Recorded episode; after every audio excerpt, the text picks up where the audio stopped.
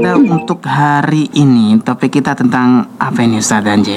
Iya, eh, topik kita hari ini adalah me- kita mau membahas seputar Gen Z ya, lagi, Nji. tapi lebih kepada eh, saya coba membantu mengurai mungkin kepada para guru, para pendidik, para orang tua.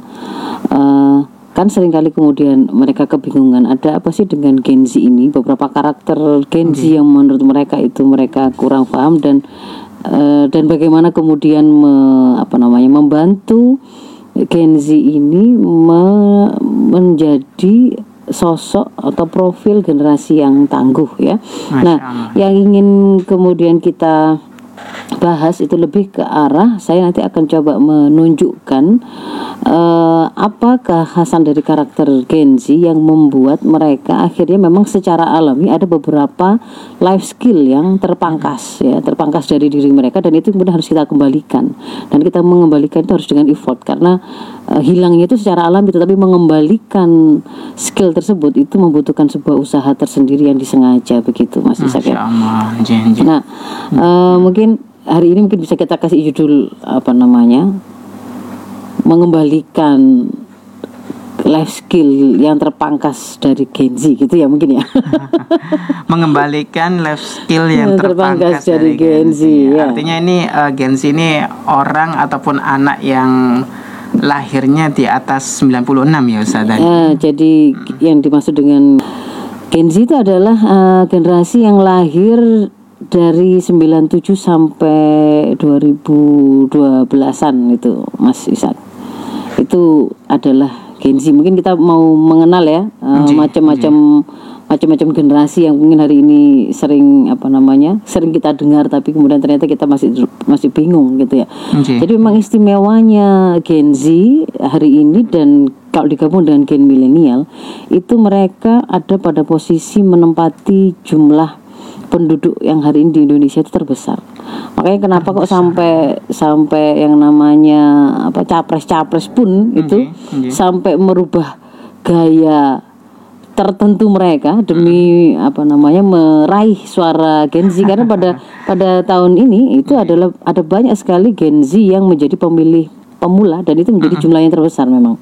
Nah, e, kalau kita membacanya bukan urusannya dengan sekedar pemilihan umum ya, tetapi Iya. kita membacanya bahwa Gen Z ini dan gen milenial ini kalau gen milenial itu dari 96 sampai 81. Iya. Nah, atasnya memang kakaknya, kakaknya Gen Z. Eh, itu kalau digabung hari ini memang jumlahnya lebih dari 50% Mas Isak gitu ya. Lebih, lebih dari 50%, malah malah lebih dari 60% itu Masya jumlah mereka itu besar sekali.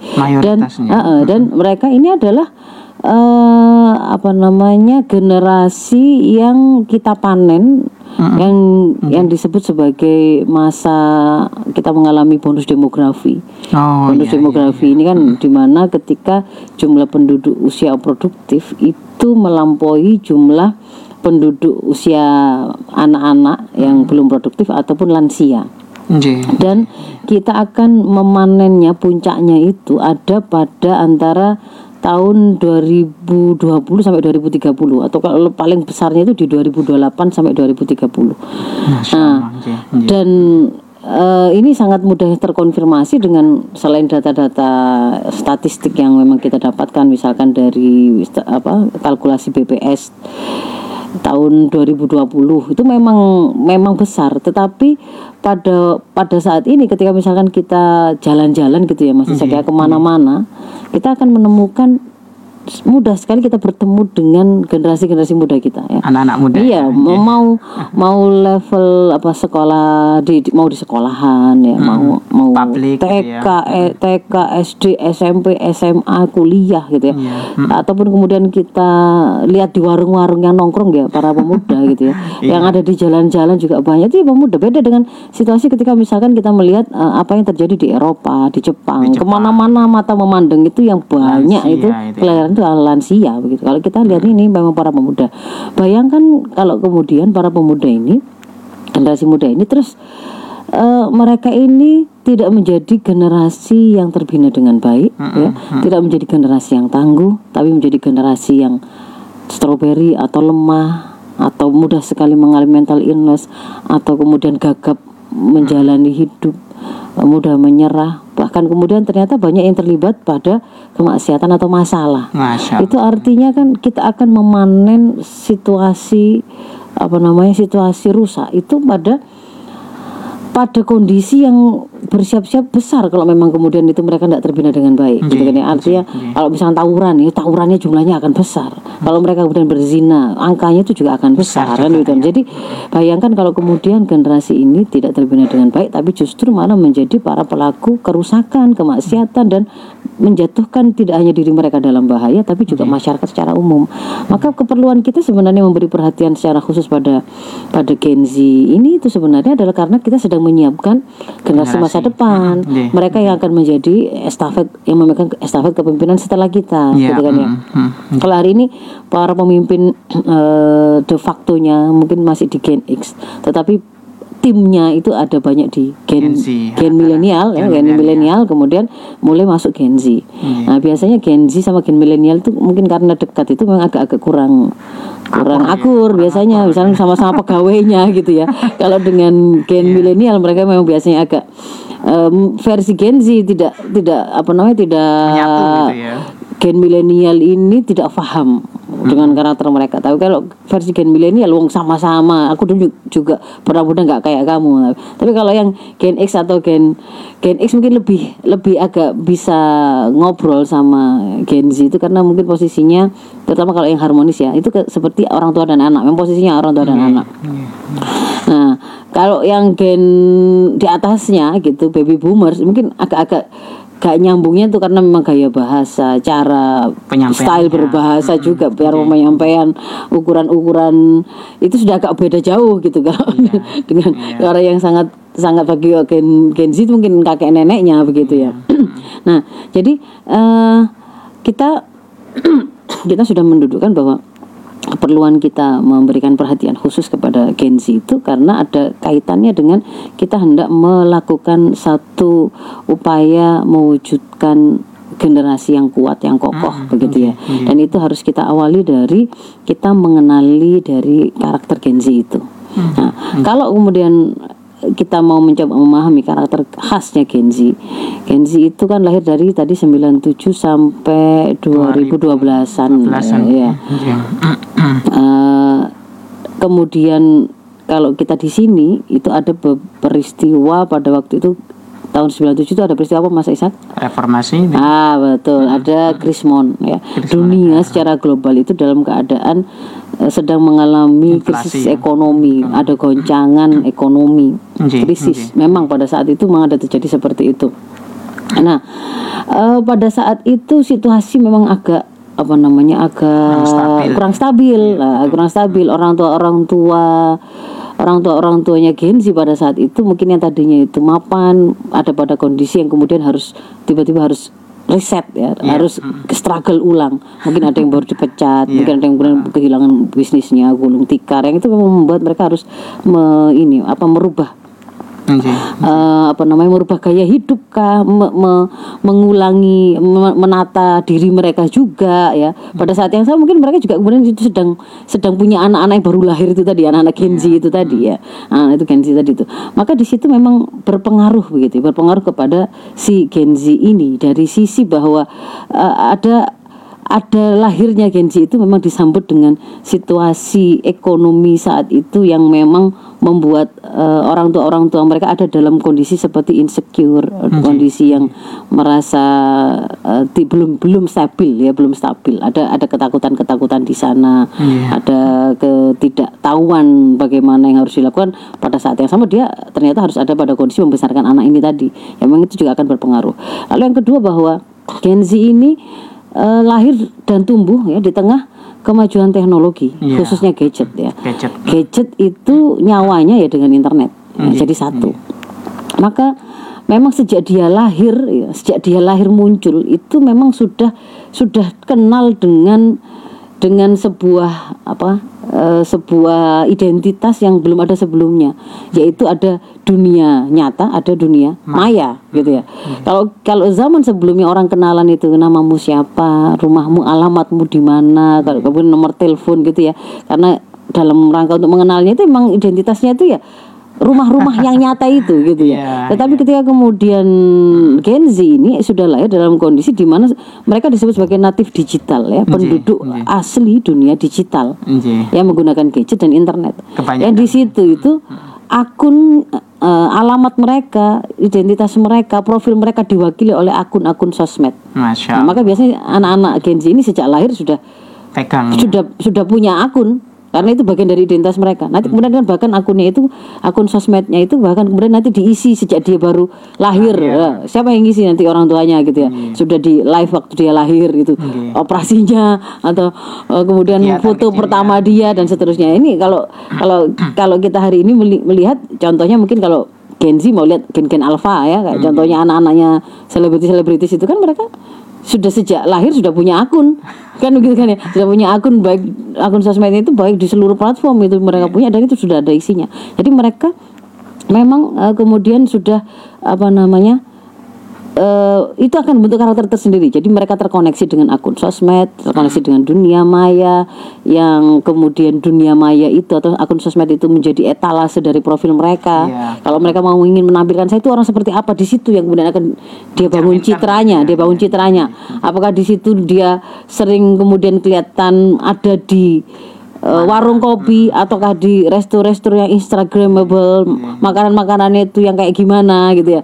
Eh, pakaian atau baju yang dia pakai seperti apa dia kemudian biasa healing ke tempat mana saja. Itu tampilan yang ada di postingan-postingan sosmednya itu menjadi etalase dari profil yang hendak dia tampilkan. Maka di situ memang mereka juga sudah dekat ya terbentuk dengan sebuah lingkungan yang membentuk mereka untuk narsis. Nggih, ya narsis mengumbar privacy bahkan itu bagian menjadi konten ya kan Mewakili itu ya. iya jadi kamar tidur atau bahkan Makanan eh, gitu ya. tidak hanya sekedar makanan Iya. pakaian tapi hal-hal yang sifatnya itu privacy pun bahkan dia kemudian dia bisa dia bisa tampilkan di situ Masya Allah. jadi kan mengumbar privacy itu menjadi sesuatu yang sesuatu yang biasa mereka temui itu seolah-olah memang akhirnya tidak ada yang namanya privacy Wong seluruh kamera itu on 24 jam sejak dia bangun tidur sampai dia tidur lagi ya misalnya contoh-contohnya yang Iya. Dia kan melihat eh, apa namanya anak-anak artis saja kayak gitu. Sementara dengan itu mereka dapat cuan. Mereka akhirnya kan juga seperti diajari untuk seperti itu ya kan? Ya. Kemudian bahwa karena mereka terkoneksi dengan gadget teknologi eh, internet ada banyak sekali kemudian eh, apa namanya kemudahan-kemudahan yang mereka dapatkan yang membuat mereka itu bisa mendapatkan sesuatu itu dengan instan Iya. Ya, Iya. iya. kalau misalkan dulu pengen makan itu berarti harus keluar jalan dulu, beli seblak, beli Iya. apa ya bakso, beli Ada mie, lah ya. gitu ya. ada ada langkah yang dia lakukan, ada perbincangan yang harus dia buka, Iya, gitu ya, ketemu dengan orang. Nah, Ini kemudian hari ini nggak harus dia tetap bis- bisa di atas kasurnya. Dia tetap bisa di atas kasurnya dengan hanya menggunakan HP yang dia punya. Nggih. dia bisa itu pesan apa pun ya. Apa pun. apa pun sampai hadir ke ke rumahnya ke kamarnya bahkan kemudian nanti ya. Dan dan itu memang akhirnya membuat eh, membentuk satu mental tersendiri mental instan. Masya Allah. mager ya. Iya, mager males gerak. Kenapa harus harus panas-panas naik motor atau jalan jauh? Padahal kita bisa tinggal manggil aja Hmm. GoFood kah atau Shopee Food kah atau apa pun itu kan banyak sekali ya Iya. jadi di situ agak eh, mereka agak eh, akhirnya terbentuk secara alami menjadi generasi yang instan, biasa tanpa effort, biasa cepat dapat sesuatu, nggak perlu susah sangat gitu ya. Akhirnya kurang fight, agak males, mager gitu kan ya. Dan magernya itu juga akan membuat satu satu pengaruh kepada fisiknya. Kalau mereka akhirnya lebih jarang jalan, Lebih lemas ya. Akhirnya kan memang fisik itu tidak terlatih gitu ya. Otot-ototnya juga tidak terlalu kuat, paru-paru jantungnya juga kemudian tidak terbantu, tidak ter- terlatih, terbiasa. Dia juga jarang dapat matahari itu ada pengaruhnya begitu kan. Masya Allah. Nggih. Nggak perlu keringat ya. Kemudian bahwa eh, eh, apa namanya? dikatakan bahwa teknologi ini ya teknologi savvy mahir teknologi ini bagi mereka bagi mereka ini tuh sama alaminya kayak mereka itu bernafas ya. Hmm, oke. jadi mereka nafas itu alami gitu ya Oke. mereka menguasai teknologi dan kemudian hidup bersama teknologi itu sama seperti itu ya Sama seperti sama bernafas, seperti ya. itu sehingga memang memang situasinya itu membuat mereka sangat bergantung dengan teknologi Menyatu ini. Nah, sangat bergantung dengan teknologi. Nggak terbayang bagi mereka eh, kemudian harus kalau mau berangkat sekolah itu harus jalan kaki dulu, harus naik bemo dulu, ngetem dulu. Lama kenapa harus begitu? Padahal kan sekarang kan yang sudah mereka yang mereka tahu adalah sudah banyak Gojek kan, gitu kan. Ada banyak ada banyak ojek-ojek online yang mudah gitu loh. Yang mudah kemudian mereka akses dari mana-mana saja. Eh, yang namanya kesasar, nah, kemudian nanya, nanya sana, nanya sini ke Nggak bapak ini. gitu ya. Itu itu itu nggak terbayang bagi mereka karena biasanya tinggal mereka tanya Google saja gitu Iya, kan ya iya. Google Map kalaupun mereka kemudian misalkan mengalami kesulitan mengerjakan soal atau kemudian mendapatkan itu ya tugas PR dari sekolah atau dari kampusnya Eh, kalau dulu kemudian mereka harus effort untuk nanya ke guru iya, misalkan iya. nanya ke orang yang dianggap mengerti mengambil les dan seterusnya ini eh yang kemudian apa namanya secara alami terbentuk mindsetnya dan apa shortcutnya yang terbiasa ada dalam mindset mereka adalah ya tinggal Google gitu. tinggal tanya teknologi. Iya. teknologi yang kita punya kita mau bisa pakai chat GPT mau pakai AI mau apa pun itu gampang lah gitu ya jadi di situ memang memang mereka benar-benar eh apa namanya terkoneksinya mereka dengan teknologi itu memang sangat alami layaknya mereka bernafas sehingga sangat bergantung kepada teknologi tersebut. Tetapi justru ketika kemudian mereka bergantung pada teknologi tersebut, di situlah akan men- menjadi titik awal banyak sekali life skill mereka yang terpangkas, gitu loh. Banyak life skill mereka yang terpangkas, terpangkas. Eh, dan tadi saya katakan bahwa Gen Z tadi di dilahirkan dibesarkan di tengah kondisi dunia yang serba tidak menentu. Ada itu ada resesi ekonomi ada transformasi digital mulainya tidak ada internet menjadi internet internet mahal menjadi murah mulainya HP mahal kemudian menjadi murah, dan seterusnya. Itu memang sesuatu yang sangat cepat begitu. Orang tua ini sendiri memang agak kesusahan untuk kemudian mengikuti ya. Terutama yang kalau misalkan orang tuanya memang orang tua Gen X atau Gen Baby Boomer. Nah ada investasi di beberapa negara ada bencana alam ada beberapa wabah penyakit yang itu satu sisi gitu ya satu sisi membuat eh, karakter orang tua orang tua mereka itu kalau mereka itu orang tua yang gaptek ya orang tuanya orang tuanya gaptek terus dia merasa eh pokoknya kayaknya dia agak kesulitan lah kalau kemudian harus menguasai teknologi. Jangankan bicara bicara HP bicara aplikasi-aplikasi di dalam HP dulu itu laptop saja itu kemudian melihat laptop eh, seperti apa itu sesuatu yang apa gitu ya? Iya. Ba- itu barang yang Aneh gitu seperti ya. apa? Itu itu bagaimana menguasainya? Mereka tidak bisa membedakan antara anaknya itu sedang membuka laptop itu untuk belajar ataukah hanya untuk Main hanya untuk main game ataukah untuk kemudian di situ eh, apa namanya scrolling di dunia maya di sosmednya? Itu karena mereka tidak menguasai itu begitu. Nah pada ortu yang gaptek ortu yang gaptek ini ada ada dua akhirnya muncul dua dua karakter ortu gitu ya. Yang pertama mereka gaptek tapi karena semangat penjagaan bahwa kan anak saya ini nggak boleh sampai kemudian dirusak oleh tontonan-tontonan lah, ah, ya, iya. tontonan-tontonan yang ada di teknologi-teknologi itu. Maka kemudian semangat penjagaan ini membuat mereka menjadi orang tua orang tua yang melakukan pengasuhan yang sifatnya overprotective. Hmm. Nah, itu nanti akan berpengaruh kepada anak-anak ini akhirnya menjadi anak-anak yang dibesarkan oleh orang tua yang ini tadi menghasilkan generasi yang generasi yang stroberi. Iya. Karena seluruh hal urusan dia sudah di- disusunkan oleh orang tuanya. kan gitu kan ya. Semua perkara-perkaranya dia itu sudah ditatakan oleh orang tua sampai anak itu enggak enggak diajari untuk Kreatif ya. ah, kreatif atau punya kemampuan dan kepercayaan diri untuk memutuskan sesuatu. Iya. Karena orang tuanya ini yang overprotective gitu ya. Iya. Pokok- Kamu pokoknya habis TK di sini, SD di sini, habis itu mondok ke sini, pulang itu sini, strict sekali, strict sekali. Karena mereka saking ketakutannya, Iya, ketakutannya. Tapi yang ber- yang sebaliknya sama-sama gap- gapteknya ortu itu, tapi yang ini adalah karena ketidakpahaman dan kemudian justru melakukan pembiaran, itu yang kemudian terjadi eh, menghasilkan anak-anak yang generasi rusak. Ya, Anjir. mereka nggak mengenali gadget itu seperti apa, internet itu seperti apa, ada, ada apa di dalam sana dia nggak belajar dan dia juga nggak terlalu peduli. Yang penting ternyata ketika anak saya kasih HP itu, kok dia diem, kok dia membuat saya tidak perlu direpotkan dengan apa Masalah- namanya? Dengan dia itu ngeriwui saya dengan banyak bertanya minta ngajarin ini itu atau kemudian ingin mengajak ngajak bermain. Nah itu akhirnya malah orang tua orang tua yang tidak paham ini memang cenderung melakukan pembiaran dan di situlah kemudian nanti pada saatnya anak itu kemudian tumbuh berkembang dengan pembiaran dan pembiaran dan dalam dalam eh, atmosfer eh, gadget dan internet dan dunia digital yang sangat liar itu akhirnya mereka dibesarkan diasuh oleh oleh dunia digital yang yang di situ bertarung apa saja kan masih saja Oke, dan oke, di situlah kemudian akhirnya kita akan memanen generasi-generasi yang kecanduan pornografi porno aksi tontonan porno gitu ya.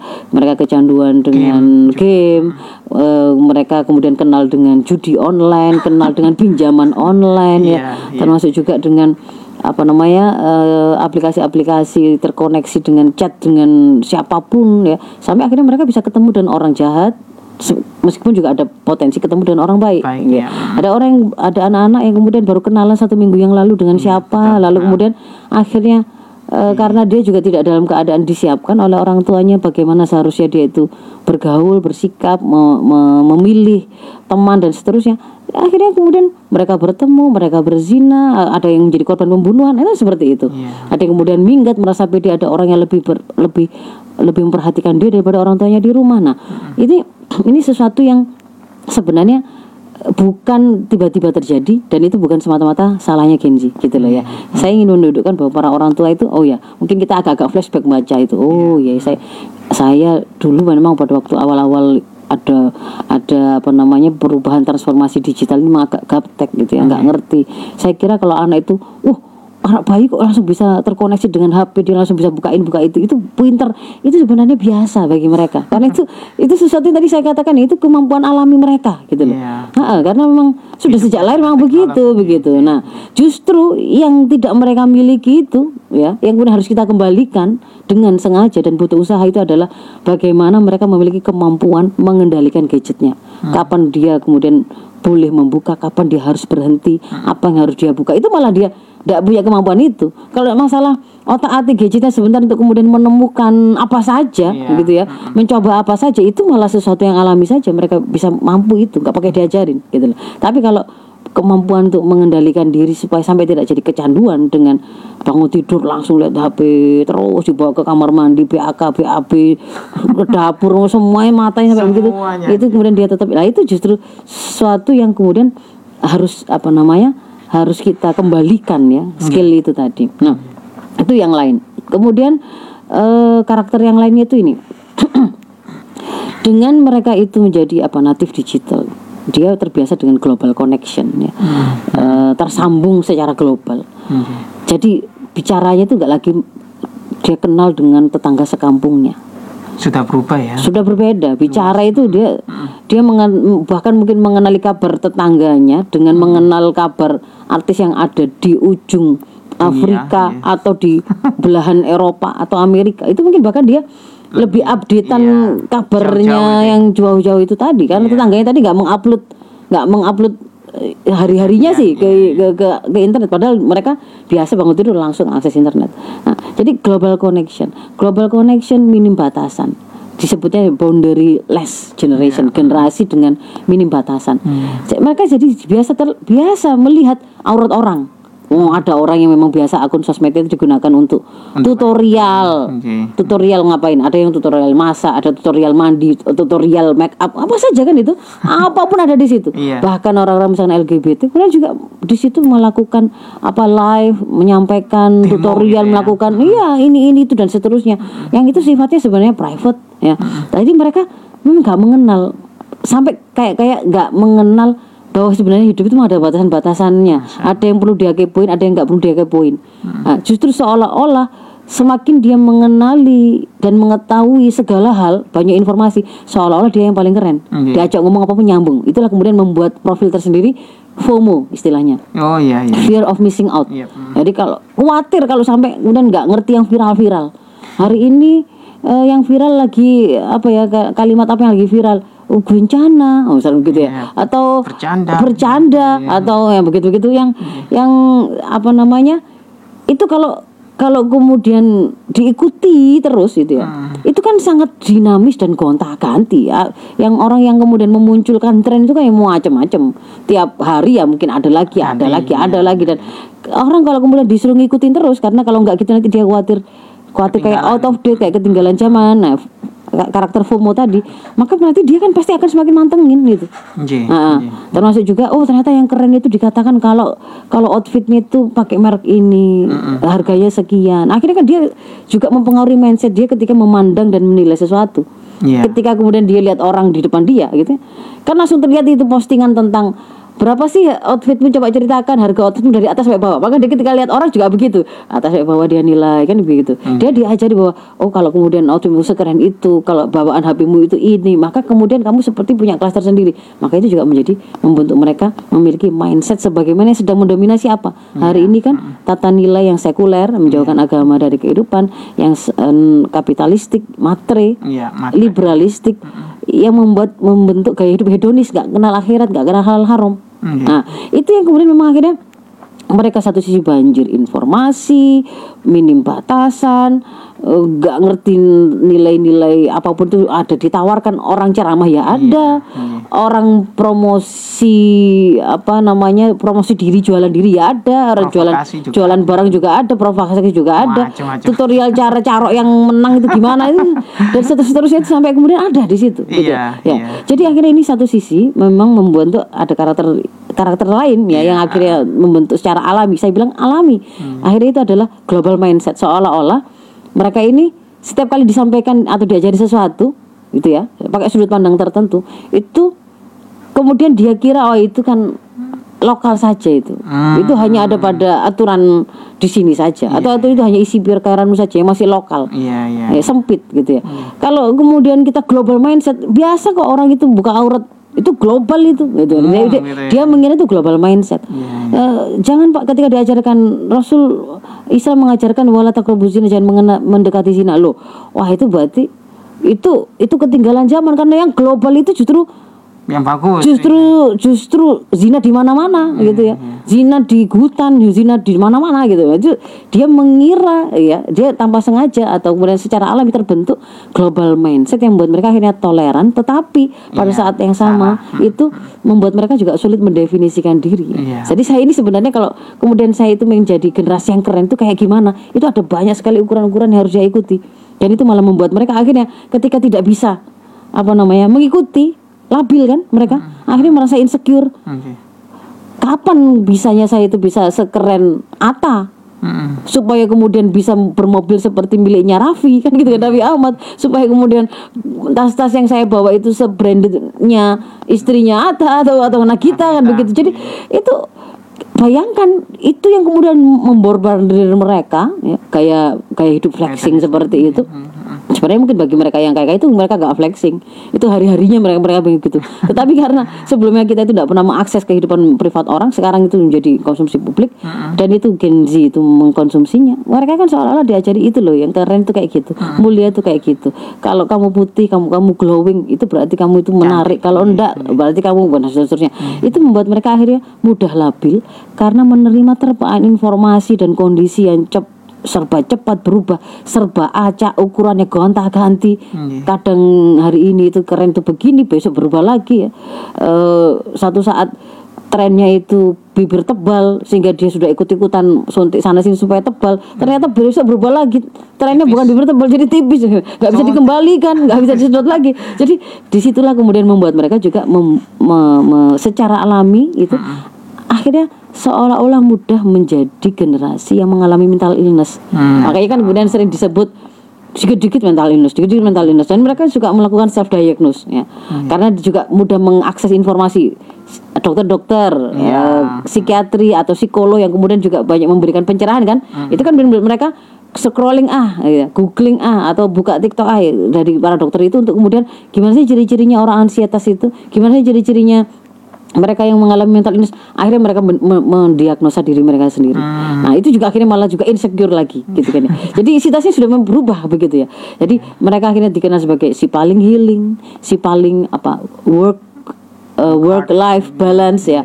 Jadi kalau kalau dia kerja eh, masuk tiga hari tiga hari nggak masuk masuk dua hari tiga hari nggak masuk Eh, kalau kemudian di dipuji langsung seperti Terbang. eh, seperti merasa wah memang dia itu sangat keren tapi begitu kemudian mendapatkan koreksi seperti langsung terburuk jatuh sampai membuat mereka tidak mau berangkat kerja lagi nah jadi ini sesuatu yang memang karena di, dibentuk secara alami oleh oleh ini tadi situasi yang yang sedang melingkupi mereka. Jadi sejak mereka lahir, mereka tumbuh hidup itu memang situasi yang mereka hadapi seperti itu.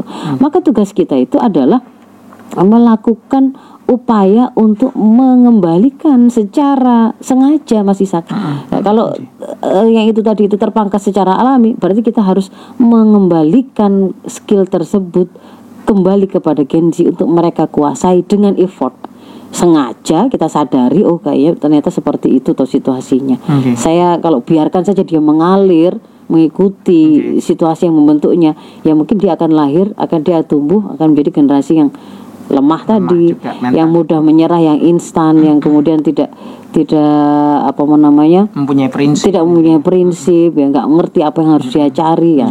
Berarti harus kita kembalikan begitu ya. Nah prinsip ya nggak ngerti apa yang harus dia cari ya. Berarti harus kita kembalikan begitu ya. Nah ini dia menerangkan atau mengidentifikasi tujuh karakter utama Gen Z. Iya. ya yang pertama adalah digital yang kedua adalah fear of fear of missing out yang tadi saya katakan FOMO tadi. FOMO ya, ya. takut ketinggalan hal-hal yang viral yang membuat mereka akhirnya ikut-ikutan saja kan? Oh ini lagi orang lagi hunting hunting tiketnya Blackpink oh ikut. Hunting tiketnya Coldplay ikut. Pokoknya semuanya lagi viral diikuti gitu ya. Kemudian hiper customisasi itu kan membuat mereka akhirnya terlalu banyak melakukan penyesuaian-penyesuaian gitu ya. Terpacu ya, realistis ekonomis dan do it yourself DIY nah kalau kemudian yang dimaksud dengan digital digital tadi saya sudah sempat sempat apa terangkan digital itu dari kata fisik plus digital gitu. Jadi karakter digital dari Gen Z itu dia kan penduduk asli digital tadi, penduduk pribumi digital, sehingga sangat melekat pada dia itu memadukan sisi fisik dan digital dalam cara mereka berinteraksi, hidup dan belajar. Hmm, itu, oke. jadi fisik dan digital. Jadi kalau misalkan kemudian, misalkan dia di tempat kerja gitu ya, dapat eh, Tugas. tugas gitu ya, itu memang yang terbayang itu langsung bagaimana dia menyelesaikan tugasnya itu ya langsung dengan memadukan antara antara yang bisa dia lakukan secara fisik dengan asistensi dari teknologi. dan dunia digital yang kemudian KPI dia di situ. ya, begitu. Ya KPI. jadi itu memang menjadi sesuatu yang mereka mereka lakukan itu ketika mereka belajar ketika mereka hidup ketika mereka berinteraksi. Kayak tadi itu ya eh apa namanya mau pesan sesuatu mengirimkan sesuatu.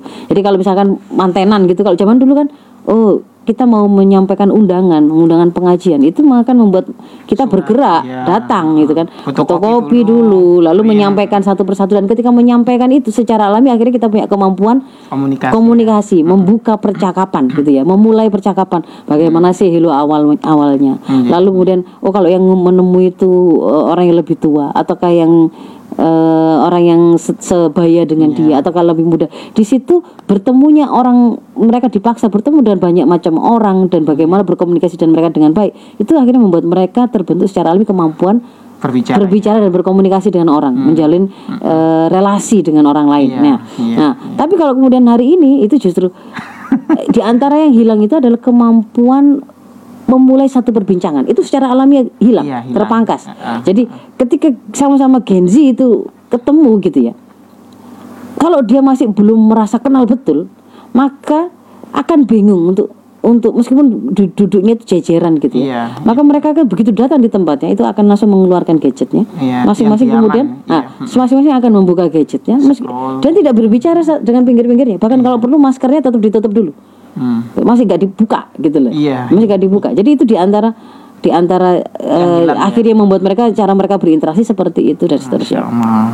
Terus yang karakter FOMO yang tadi itu ya tadi itu yang dia rasa ingin tahunya tentang berbagai hal itu tinggi akhirnya memacu mengetahui berbagai macam sumber dari informasi yang tersebar dan seterusnya tapi eh, akhirnya membuat mereka jatuh kepada karakter yang tidak memiliki sikap. Itu yang mudah sekali diombang-ambingkan. Itu akhirnya membuat mereka juga Labil. Heeh, eh, membuat mereka juga selalu me- mencoba mengikuti apa kata orang apa kata mayoritas atau apa kata eh, circle-nya. Iya. nah kalau ketika dia ketemu circle yang baik maka akan dia dibawa secara alami ke kebaikan. Tapi kalau yang rusak Nah. makin jauh makin jauh makin jauh makin rusak. Eh hiperkustomisasi itu dia terbiasa menentukan kebutuhan apa yang mereka butuhkan dan mereka perlu dapatkan. Karena kan biasa kalau dulu mungkin kita nggak ngerti ya kalau mau nyari waktu waktu kita masih kalau misalnya saya masih kecil Iya. nyari sepatu. Ya sepatu mungkin kalau tahunya itu ya datang ke toko lalu iya, kemudian di situ memilih di situ. Tapi kalau anak-anak Gen Z dia sebelum dia sebelum kemudian Ke lokasi. memutuskan memutuskan beli nggak harus ke lokasi juga sebelum memutuskan sepatu maka dia sudah tahu apa yang kemudian harus saya cari. Informasinya Nah, jadi di situ terbiasa menentukan kebutuhan apa yang mereka butuhkan dan mereka perlu dapatkan karena banyaknya banjir informasi tadi itu berselancar di dunia maya itu menjadi bagian dari cara Gen Z memenuhi kebutuhan dirinya. Nah, terpacu kalau karakter terpacu itu eh, sangat kompetitif dengan keragaman potensi yang dimilikinya. Ini nanti satu satu sisi terpacu ini juga akan bisa menjadi apa karakter yang kita kita bisa mainkan. Oh ternyata dia mereka ini senang kayak dibikin challenge challenge ya. Iya. Makanya kan kalau kemudian anda uh, uh, Mas Ishak lihat uh, di sosmed itu ada misalkan ah, sekarang challenge untuk dari yang konyol sampai kemudian agak-agak agak-agak edukatif ya. Iya. Kalau konyol itu misalkan eh, ditantang tantangan apa berendam di di bak yang berisi es batu ya, itu kan sebenarnya enggak enggak ada Nggak ada enggak ada manfaatnya. manfaatnya tetapi ya itu tadi karena ada ada challenge-nya karena oh itu sedang lagi tren. Dulu pernah ada tren itu gini, apa namanya? Yang ini loh. Temannya lalu di, di ditekan sekuat mungkin di bagian dadanya lalu sampai pingsan itu loh.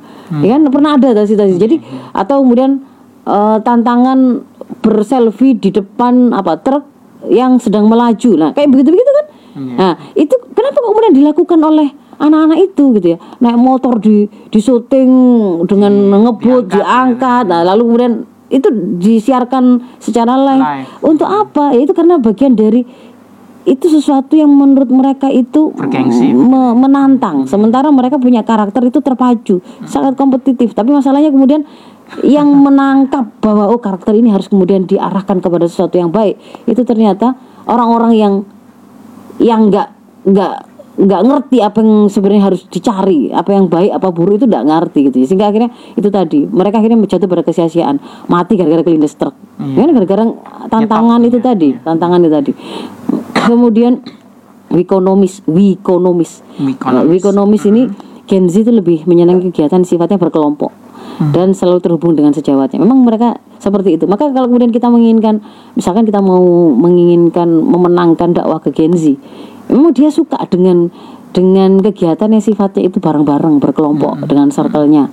Tantangannya berarti kalau digabungkan ya, membuat tantangan yang bermanfaat, yang sifatnya edukatif, me- membentuk profil dia semakin tangguh, tapi dengan bersama-sama kita ciptakannya. Ngaji bareng, eh, healing dan tadabur alam di situ mungkin dalam Bareng, dalam bentuk eh, dalam bentuk kita ajari bagaimana sih anda mengamati kerusakan-kerusakan alam yang sedang terjadi itu kenapa analisanya. Misalkan bareng-bareng seperti itu ngajinya nggak di dalam kelas tapi dibawa keluar. Nah, itu sesuatu yang sifatnya eh, mereka sukai ditambah lagi mereka juga DIY gitu ya.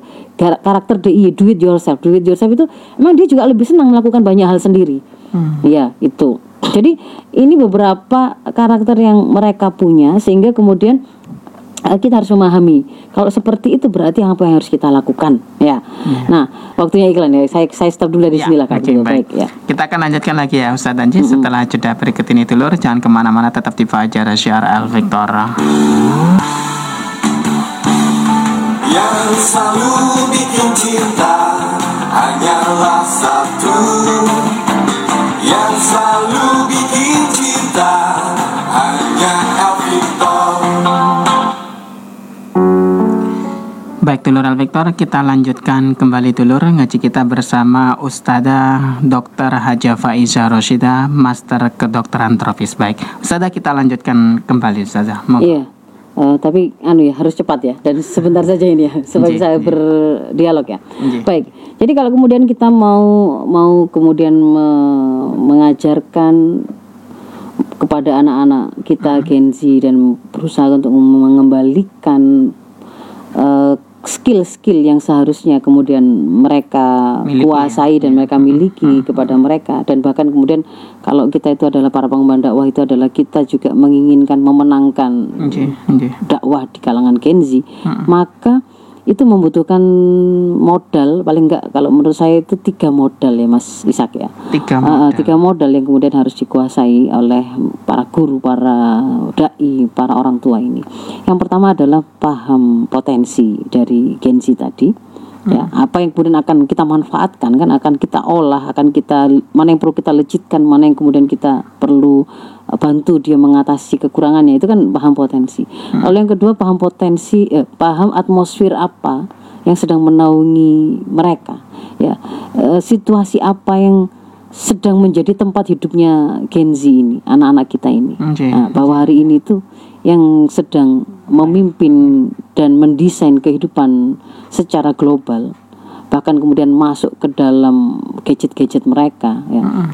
Konten-konten apa yang mendominasi, perbincangannya seperti apa yang mendominasi ketika mereka mem- membuka YouTube, ketika mereka melihat televisi, ketika mereka itu kemudian melihat tontonan-tontonan apa pun yang ada di sekitar mereka itu sebenarnya ini ada ada sebuah bentuk interaksi di tengah masyarakat atau desain yang, yang itu terpola oleh sebuah ideologi yang sedang established yang sedang sedang diterapkan. Iya, iya. yaitu justru memang ideologi sekulerisme ya. Eh, sekulerisme itu artinya orang itu boleh beragama tetapi ketika bicara tentang menjalani hidup nggak usah bawa agama gitu. Kalau bergaul kalau bicara tentang pakai pakai baju kalau bicara tentang bagaimana kemudian dia kerja memilih kerja memilih jodoh dan seterusnya itu nggak usah bawa bawa agama. Itu namanya sekuler ya. Sekuler itu agama hanya ada di masjid-masjid di tempat-tempat ibadah, Ibadah. tapi jangan bawa-bawa itu untuk mengatur bagaimana mereka jadi pemimpin bagaimana mereka itu menentukan pilihan ketika mau mem- memilih pemimpin ketika mereka itu bergaul dan seterusnya. Itu namanya sekuler. Nggih. Se- selain sekulerisme bahwa hari ini itu adalah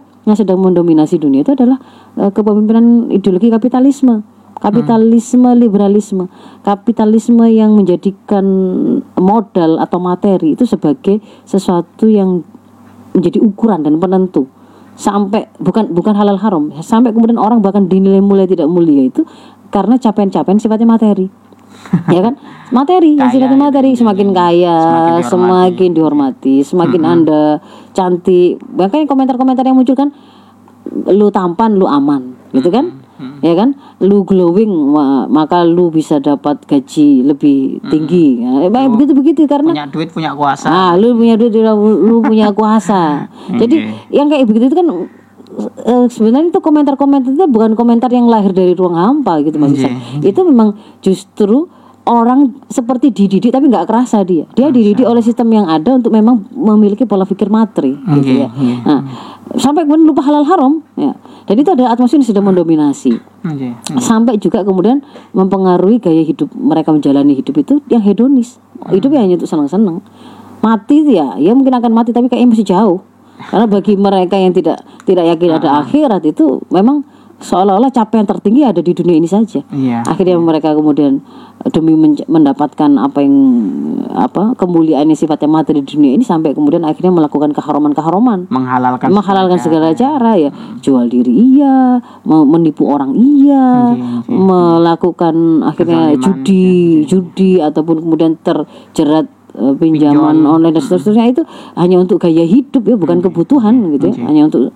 me- me- membeli lifestyle tertentu. Itu akhirnya memang memang ada di sini. Itu paham atmosfer yang menaungi. Lalu yang ketiga kita paham strategi bagaimana me- melakukannya gitu ya. Nah paham potensi. Saya akan batasi sedikit saja. Kita paham bahwa satu potensi yang kita miliki itu pertama eh, kita kita paham anak kita itu kan manusia Nggih. manusia manusia itu ya sama dengan kita kita itu oleh Allah diciptakan itu memiliki akal untuk bisa memahami benar dan salah Mm-mm. kita juga diberi oleh Allah itu rasa naluri ya sehingga kemudian memang di situ ada ada naluri untuk menyembah sesuatu, mengagungkan sesuatu, ya ketemu dengan agama. Nggih. Ya, sebenarnya fitrahnya itu, tapi dia juga punya naluri untuk melangsungkan keturunan atau jenisnya manusia, ya, sehingga ada rasa suka pada lawan jenis, dia ingin disayangi, ingin menyayangi, itu juga ada naluri begitu. Ada naluri untuk Ghoriza Bako ya mem- mempertahankan eksistensi diri, ya pengen dipuji, pengen di di wow oleh orang Nggih, nggih. sehingga dia juga pengen punya harta, pengen punya kedudukan, pengen punya kuasa, pengen punya follower, punya ketenaran. Nah, itu itu potensi gitu ya. Kita melihat memang dia punya potensi begitu. Nggih. Dan tapi ada akal tadi. Ada akal yang bisa memahami alat untuk memahami mana yang benar mana yang salah dan Allah sudah turunkan kita itu dengan tuntunan yang sifatnya itu sudah mencakup segala hal ya.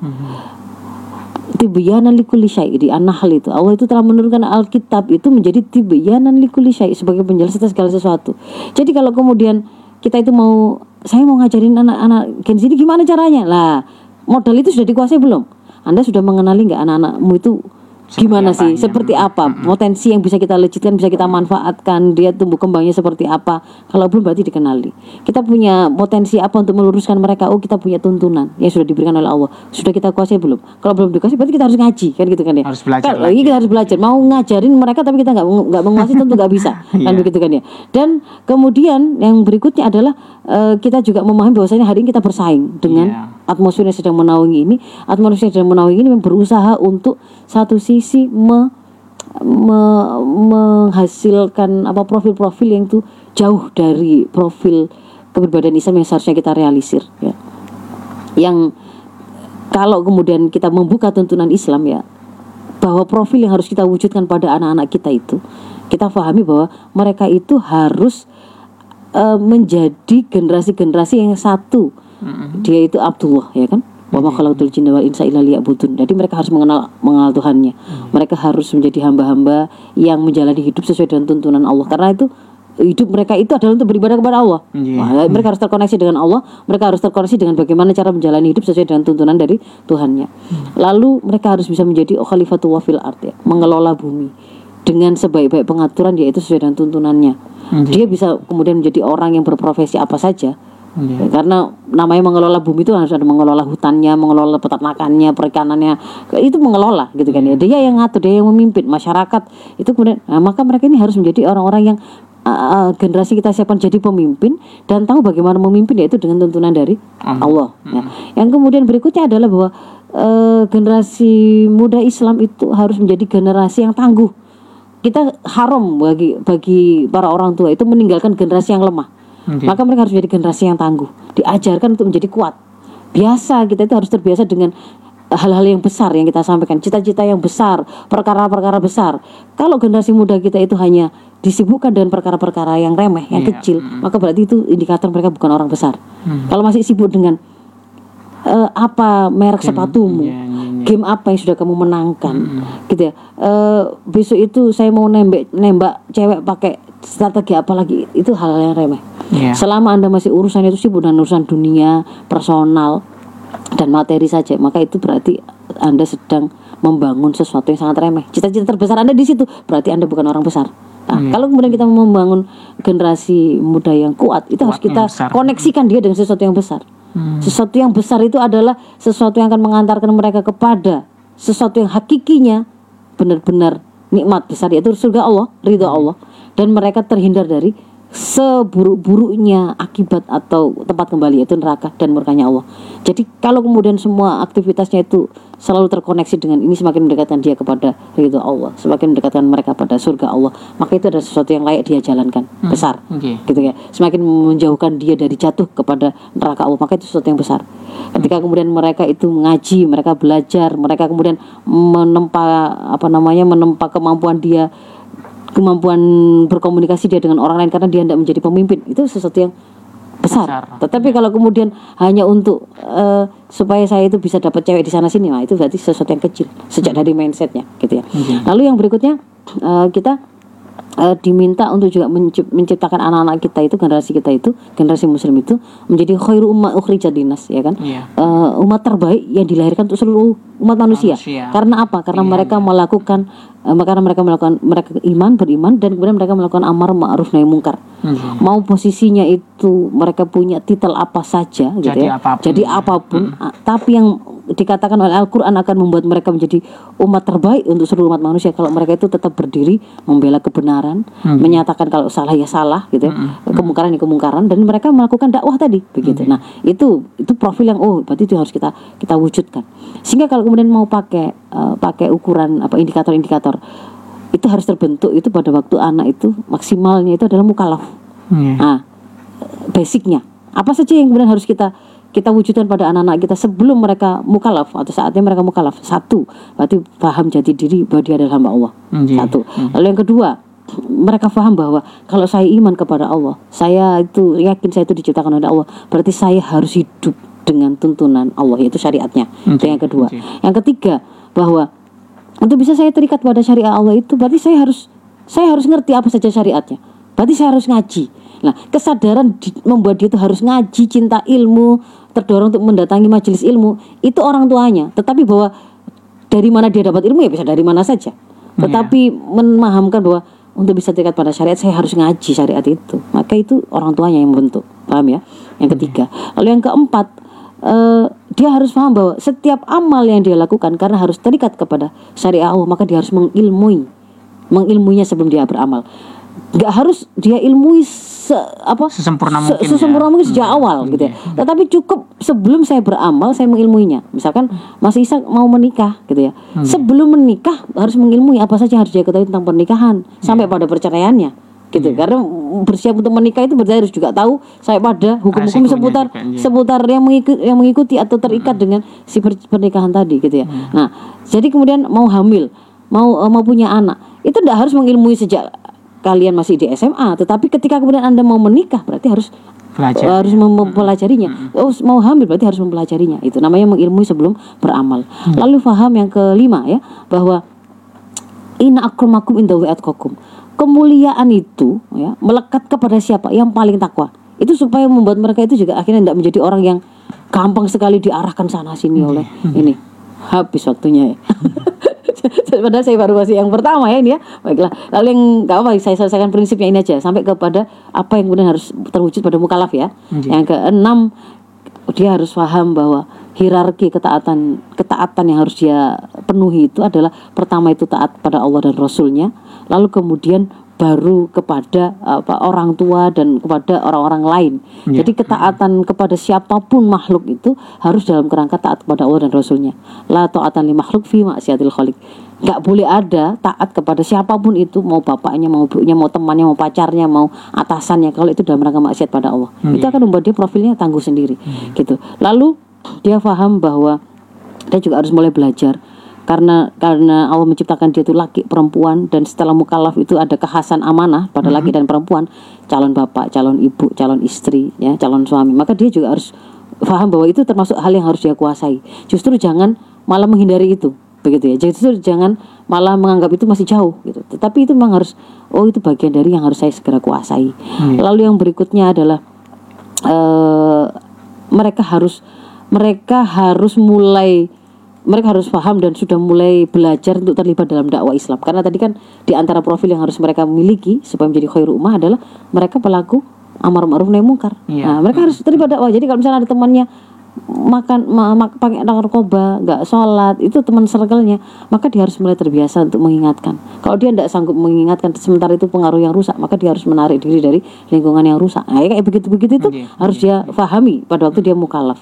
Lalu dia juga harus paham dan menguasai bagaimana eh, proses membangun profil kepemimpinan pada diri mereka. Maka dia nggak boleh nggak boleh menyimpan dirinya hanya di kamar, harus keluar.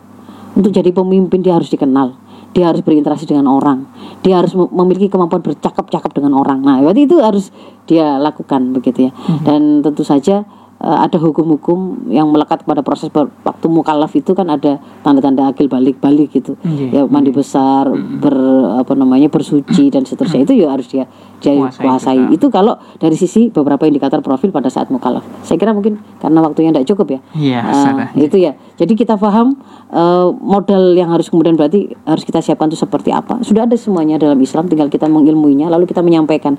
Coba nanti waktu menyampaikan kepada anak-anak kita Gen Z itu kita harus mem- mempertimbangkan beberapa hal yang tadi saya terangkan tadi. Ya, kalau kita menemukan di situ ada kelebihan, maka kita gunakan kelebihan itu untuk memudahkan mereka menerima kebenaran. Kalau di situ ada hal yang eh, apa kemampuan-kemampuannya terpangkas, maka harus kita kembalikan. Begitu. Saya kira mungkin itu. Saya mohon maaf eh, nggak bisa tanya jawab ya. Ya, Afu minkum. Ihdinas siratal mustaqim. Assalamualaikum warahmatullahi wabarakatuh. Waalaikumsalam warahmatullahi wabarakatuh.